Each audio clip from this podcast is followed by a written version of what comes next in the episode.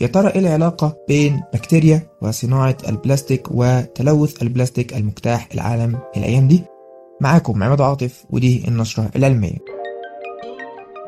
من سنتين فاتوا علماء اكتشفوا نوع خاص من البكتيريا ليها القدرة إنها تتغذى على البلاستيك وده عن طريق إنزيم معين بتفرزه بتقوم بتفكيك المواد الكيميائية الموجودة بداخل البلاستيك وتطلع مواد أيضية أخرى وده كان قدر العلماء يستغلوه في التخلص من تلوث البلاستيك.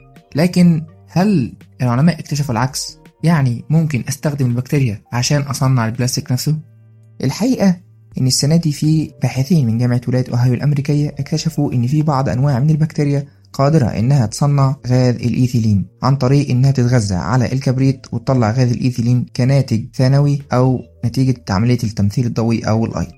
بس إيه علاقة الإيثيلين بالبلاستيك؟ الإيثيلين مادة عضوية بتستخدم في كتير من الصناعات الخاصة بالبلاستيك. البكتيريا دي اسمها Rhodospirillum وبتتغذى على مادة عضوية معقدة بتبقى غالبا موجودة في التربة اسمها methylthio ethanol وبتقدر عن طريق إنزيمات معينة بتكونها إنها تستخرج عنصر الكبريت عشان هي بتتغذى عليه وفي الآخر تطلع لنا ناتج ثانوي هو غاز الإيثيلين.